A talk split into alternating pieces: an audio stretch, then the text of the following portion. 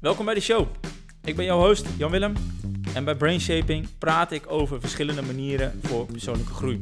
Ik geef je tools om slimmer, sterker en succesvoller te worden.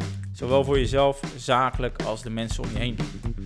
Ben je nieuw bij de show? Bekijk dan zeker eens de website voor alle afgelopen uitzendingen met interviews, inspiratie, podcast en stappenplannen.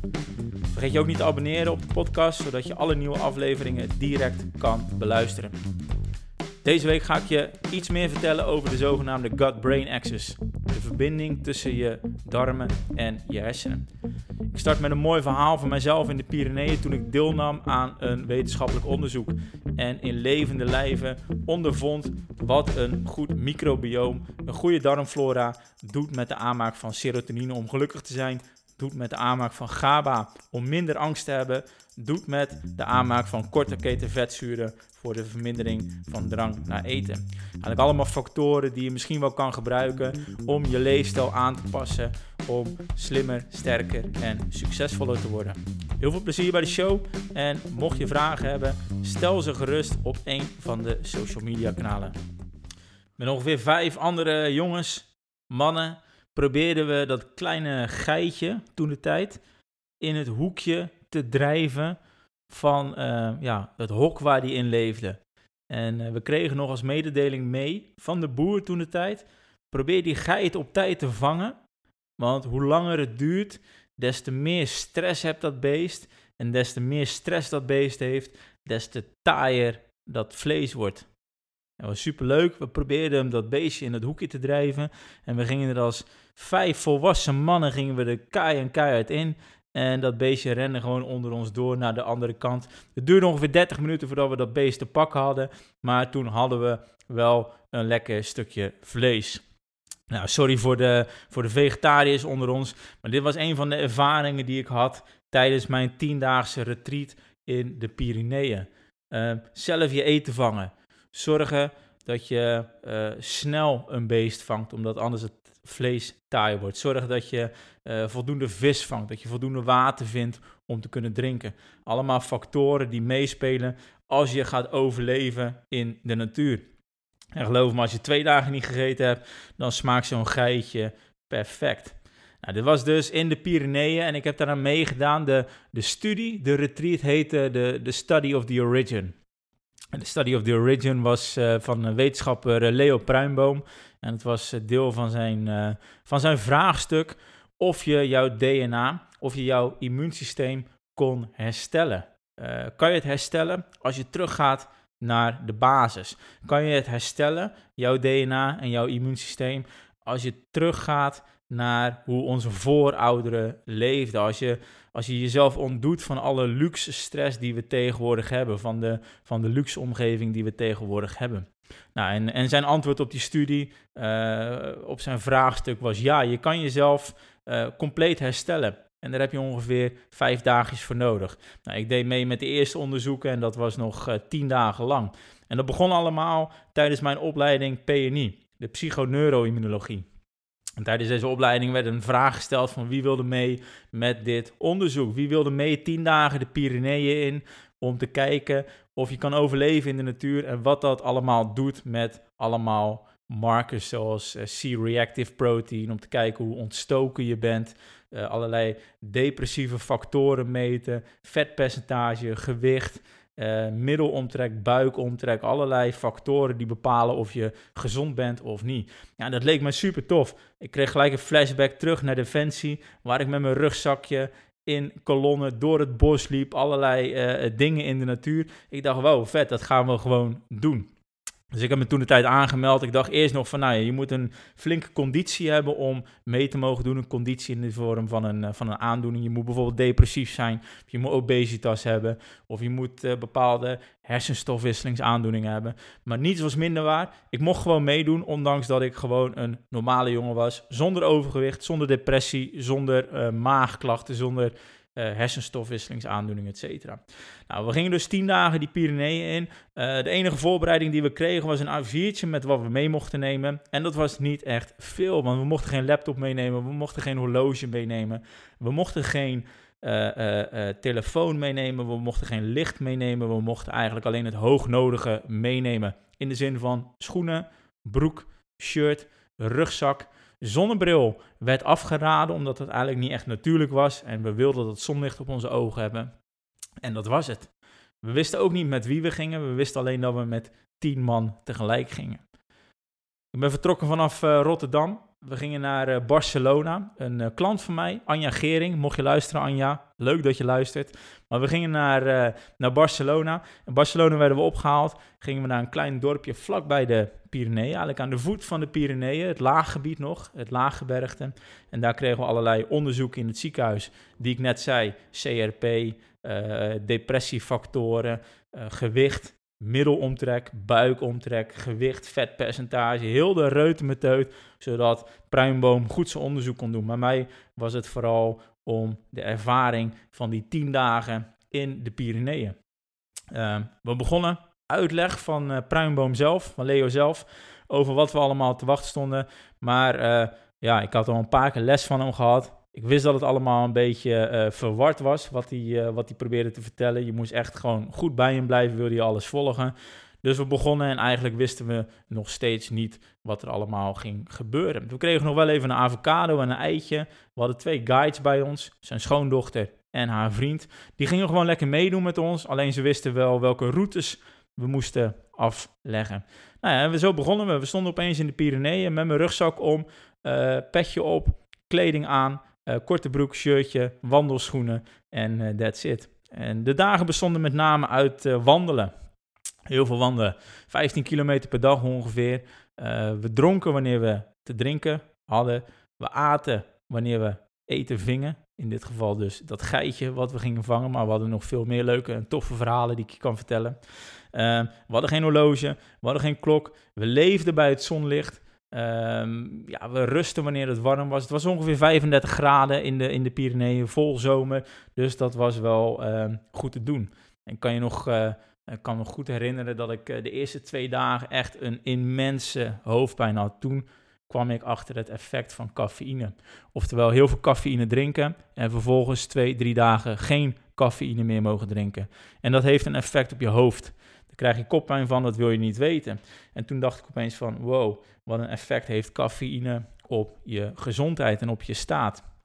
Helaas ben ik er nog steeds niet mee gestopt met cafeïne drinken, maar dat even tezijde. Dus de eerste twee dagen waren wat, uh, wat moeilijker, maar daarna, en dat is eigenlijk waar ik naartoe wil met dit verhaal, daarna begon het alleen maar te verbeteren. Ik voelde me uh, fitter, ondanks dat ik minder at. Ik maakte voor het eerst kennis met intermittent fasting. Uh, ik voelde me gelukkiger. Zonder dat ik eigenlijk veel luxe om me heen had. Dus ik had geen telefoon, ik had geen laptop, ik had geen horloge, ik had geen televisie, ik had geen computer, ik had, ik had helemaal niks.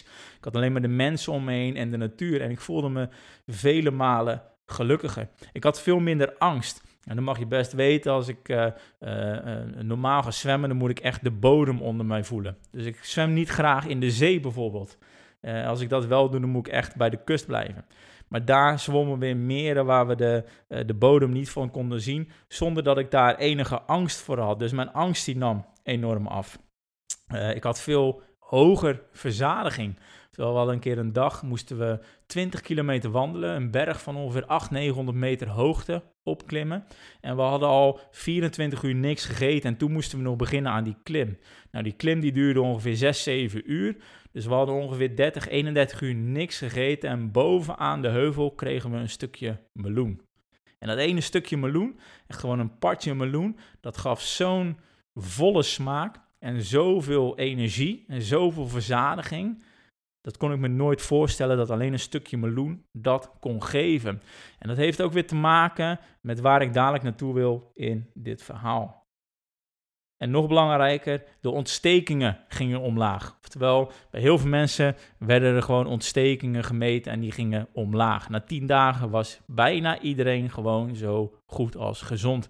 Belangrijk nog, het bleef aan. Want drie tot zes maanden later werd er nog een keer een meting gedaan. En er waren mensen bij met diabetes type 2, er was zelfs iemand bij met diabetes type 1, er waren mensen bij met depressie. En dat was allemaal weg na tien dagen leven in de natuur. En dat alles, ja, door af en toe een geit te vangen. We hebben een hertje gevangen, we hebben kippen gevangen, we hebben gevist. We hebben heel veel gewandeld, we hebben geslapen, we hebben gepraat, we hebben gelachen, uh, we hebben gerend en we hebben echt van alles en nog wat gedaan. Dus mijn ervaring in de Pyreneeën is eigenlijk het begin geweest van mijn complete leefstijl en misschien ook wel van mijn gedachte om deze podcast te beginnen en het platform van Brainshaping. Nou, eigenlijk stond deze week gepland om een interview te doen met Anne Ruud Hogeveen. Anne Ruud is van uh, Osteovitaal, collega-therapeut van mij, maar ook osteopaat en weet verdomd veel van darmen. En ik had hem gevraagd om in de uitzending te komen en iets meer te vertellen over de connectie tussen je darmen en je hersenen. De gut-brain axis wordt hij ook wel genoemd. En die gut-brain axis die is recent in de wetenschap zo belangrijk uh, aangetoond, wel gevonden dat die zo belangrijk is, dat er veel meer over bekend mag worden. De, de verbinding tussen je darmen en je hersenen. Ze noemen je darmen ook wel als je tweede brein. Nu komt het mooie aan dit verhaal, is dat ik hem ook in de uitzending heb gehad. En we hebben een uh, interview gedaan van anderhalf uur. Uh, heel veel gave inzichten gedeeld, stappenplannen gedeeld. Alleen op het einde kwam ik erachter dat ik was vergeten op het opnemen knopje te duwen. Dus ik had de record knop niet ingeduwd.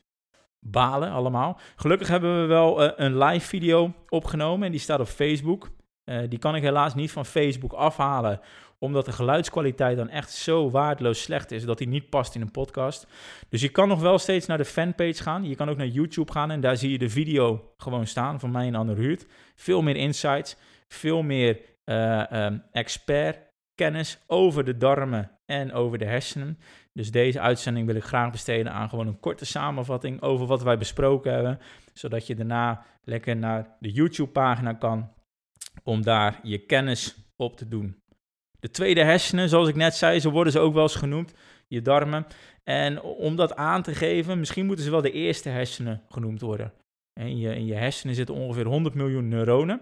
En die neuronen zijn verantwoordelijk voor de aanmaak van bijvoorbeeld van, uh, van neurotransmitters als dopamine, serotonine, melatonine, het hormoon, insuline, het hormoon. En, en, en worden ze daar niet aangemaakt, dan sturen je hersenen het wel aan om het ergens anders in je lichaam aan te maken. Om aan te geven, in je darmen zijn 500 miljoen neuronen.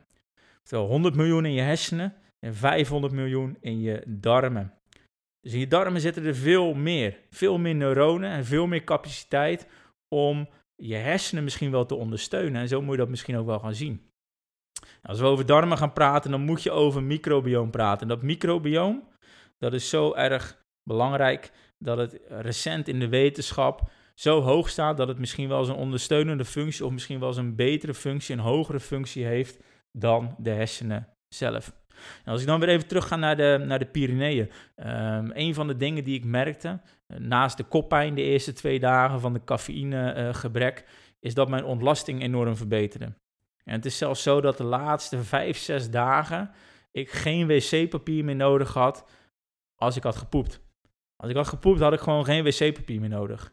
En eh, uiteraard testte je dat in het begin nog. En dan deed je gewoon afvegen. Dan keek je en dan zat er geen rest uh, poep meer aan, om het zo maar te zeggen. Dus ik had geen wc-papier meer nodig. Klinkt misschien een beetje onsmakelijk. Maar mijn ontlasting verbeterde enorm. En dat heeft een enorm grote link met het aanpassen van jouw microbioom. Dat microbioom dat bestaat uit virussen, bacteriën en schimmels. En die virussen, bacteriën en schimmels die vormen samen dus jouw microbioom. En die zijn verdeeld over heel jouw lichaam. Overal waar een barrière is, jouw darmen, jouw longen, jouw huid, daar zit een microbioom op. En dat microbioom dat zorgt ervoor dat de eerste bescherming er is tegen allemaal indringers, tegen pathogenen, zoals ze dat zo mooi zeggen. En die pathogenen die moeten dus tegengehouden worden. Maar dat microbioom heeft ook een andere functie en dat is het aanmaak van heel veel neurotransmitters. En zo zien we dat jouw microbioom dus verantwoordelijk is voor bijvoorbeeld de aanmaak van serotonine. Ongeveer 80% van de serotonine aanmaak gebeurt niet in je hersenen. Let op, het gebeurt niet in je hersenen, maar in je darmen. En dat doen jouw eh, ja, vriendjes, zoals we dat zeggen. De vriendjes in jouw darmen. De bacteriën die zijn verantwoordelijk voor de aanmaak van die serotonine. Aanmaak van GABA. GABA, is een neurotransmitter die verantwoordelijk is voor uh, gevoel, voor angstonderdrukking. Oftewel, je hebt minder angst als je meer GABA hebt. Je hebt meer rust als je meer GABA hebt. Mensen met een tekort aan GABA zijn heel erg angstig. En, en, en als we dan teruggaan naar de Pyreneeën, dat ik in één keer durfde te zwemmen in een, in een, in een plas waar ik de bodem niet zag, wat ik normaal gesproken nooit zou doen, dat is gewoon door de aanmaak van meer GABA. Terwijl het heeft compleet een link met alles wat ik daar heb gedaan om mijn microbioom te resetten, opnieuw op te bouwen, te verbeteren en dus de aanmaak van neurotransmitters te verbeteren. Daarnaast zijn die uh, bacteriën ook verantwoordelijk voor de aanmaak van korte keten vetzuren bijvoorbeeld, short chain fatty acids. Praten we uitgebreid over in de YouTube-uitzending, in het interview wat ik heb gehad met Anne Ruud. En short chain fatty acids is voor de vermindering, voor de drang naar eten. Oftewel, je verzadiging gaat omhoog. Je krijgt veel meer uh, dankbaarheid als je iets eet. Je krijgt veel eerder een stopsignaal als je aan het eten bent. En dat refereert natuurlijk weer naar dat verhaal wat ik net vertelde over die berg. Ik wandelde die berg op, ik had al 32 uur niks gegeten, ik krijg een stukje meloen en het smaakte heerlijk en het was voldoende. Misschien omdat we wisten dat er niet meer was, maar het was echt gewoon voldoende, want ik kon gewoon bij 12 uur vooruit met niks anders te eten. Nou, zo is jouw microbioom verantwoordelijk voor aanmaak van heel veel andere dingen. En kan je misschien ook wel zeggen dat als jouw microbioom niet goed is samengesteld, dat je een tekort hebt aan serotonine en dat je je gewoon niet gelukkig voelt en dat je misschien wel een beetje depressief voelt. Dat je niet voldoende GABA aanmaakt en dat je gewoon heel veel angst en minder gevoel hebt. En dat je niet voldoende korte keten vetzuren aanmaakt en dat je een ongecontroleerd eetgedrag krijgt. En dat heeft allemaal linkjes met allemaal aandoeningen als depressie, diabetes, obesitas, etc. Nou, nog een beetje achtergrondinformatie. Uh, een mens heeft 21.787 genen en die genen zijn dus verantwoordelijk voor de aanmaak van neurotransmitters. En nu zijn ze erachter gekomen dat die genen nooit en te nimmer dit alleen kunnen doen. En toen kwam dat microbioom om de hoek kijken. Dus dat microbioom moet ondersteunen in de aanmaak van die neurotransmitters die ik net vermeldde. Het zijn er veel meer. Wat gesteld kan worden is dus, des te smaller jouw genotype is, des te breder jouw microbioom moet zijn. En des te smaller bedoel ik hoe kleiner jouw genenpool is als mens zijnde, hoe breder jouw microbioom moet zijn. En aangezien we allemaal mens zijn, hebben we allemaal dezelfde genenpool en hebben wij een enorm breed microbioom nodig. Als je dat vergelijkt met een plant bijvoorbeeld, plant heeft vier of vijf keer zoveel genen als de mens en heeft een heel klein microbioom nodig. En wij hebben dus een heel smal uh, genenpool, een heel smal genotype en hebben een heel breed microbioom nodig. Nou, dat brede microbioom, dat kwam vanuit de Pyreneeën door de grote variatie aan voeding. Door niet continu te eten, door niet continu te drinken, maar ook door uh, schrammetjes aan de handen van het beetpakken van takken en stenen. Schrammetjes aan de benen door het lopen uh, langs stenen en door de bossen heen.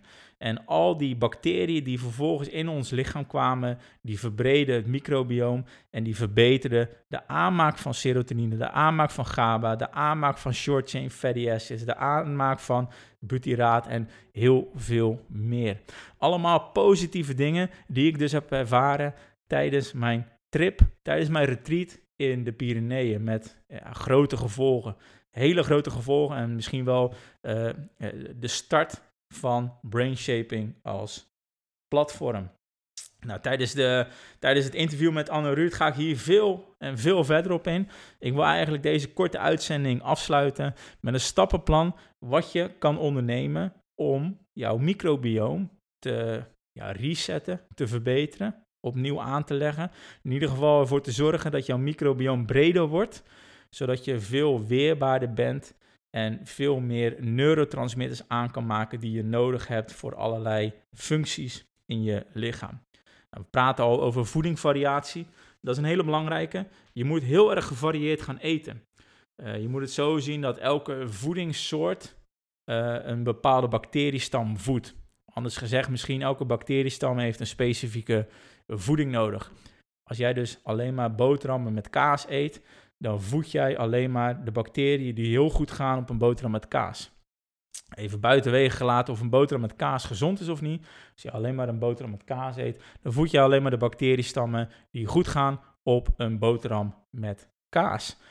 Dat wil dus zeggen dat je een heel smal microbioom erop nahoudt. En aangezien ons dieet vooral bestaat uit heel veel enkelvoudige suikers en zetmeelhoudende producten, heeft de gemiddelde Nederlander een heel smal microbioom. Dit kan je heel simpel aanpassen door veel meer gevarieerd te gaan eten. Nou, een tip is om ongeveer 30 verschillende plantensoorten te gaan eten per week en ongeveer 5 à 10 verschillende diersoorten per week te gaan eten. Zo krijg je een hele brede pool aan uh, bacteriën in je lichaam en verbeter je bijna binnen een week je microbioom volledig. Heel erg makkelijk te doen. Vergeet hierbij ook vooral de kruiden niet. Hele goede. Uh, alle verschillende kruiden, alle verschillende fruiten, alle verschillende planten, uh, groentes, etc. Ga heel erg gevarieerd eten en houd het bij om het uh, ja, goed inzagen te krijgen in of je goed gevarieerd eet. Daarnaast kwamen we op ademhalingsoefeningen. En één specifieke ademhalingsoefening is vooral om de pH-waarde in je darmen te reguleren. Als je een, een uh, verzuurd milieu krijgt in je darmen, dat is goed voor je bacteriën. En dat noemen ze een hypoxie-oefening, anders genaamd slow breathing. En slow breathing is uh, ja, vrij makkelijk te doen. Eén hele bekende is dat je uh, twee, drie minuten achter elkaar, dat je maar vier keer per minuut ademhaalt. Vier keer per, nu, per minuut ademhalen, dan doe je dus vier seconden inademen, vier seconden vasthouden, 4 seconden uitademen en weer 4 seconden vasthouden. Het zogenaamde square breathing. 4, 4, 4, 4. Als je dat dus vier keer doet, dan ben je iets langer dan 1 minuutje bezig en haal je dus 4 keer adem in 1 minuut. Dat zorgt voor een enorme productie van melkzuur en dat is enorm goed voor het stimuleren van de darmflora. Oftewel, punt 1, voedingvariatie. Punt 2 is een ademhalingsoefening. Nummer 3, uh, het drinken van appelsiederazijn met water. Uh, precies dezelfde reden, alleen iets snellere manier dan de ademhalingsmanier. Nummer 4, heel veel vezels eten. Ik kom eigenlijk weer neer op punt 1 om heel gevarieerd te gaan eten, maar dan met name gericht op heel veel vezels. En dan kan je denken aan bijvoorbeeld alle wortelsoorten, alle paddenstoelen en heel veel knolgewassen.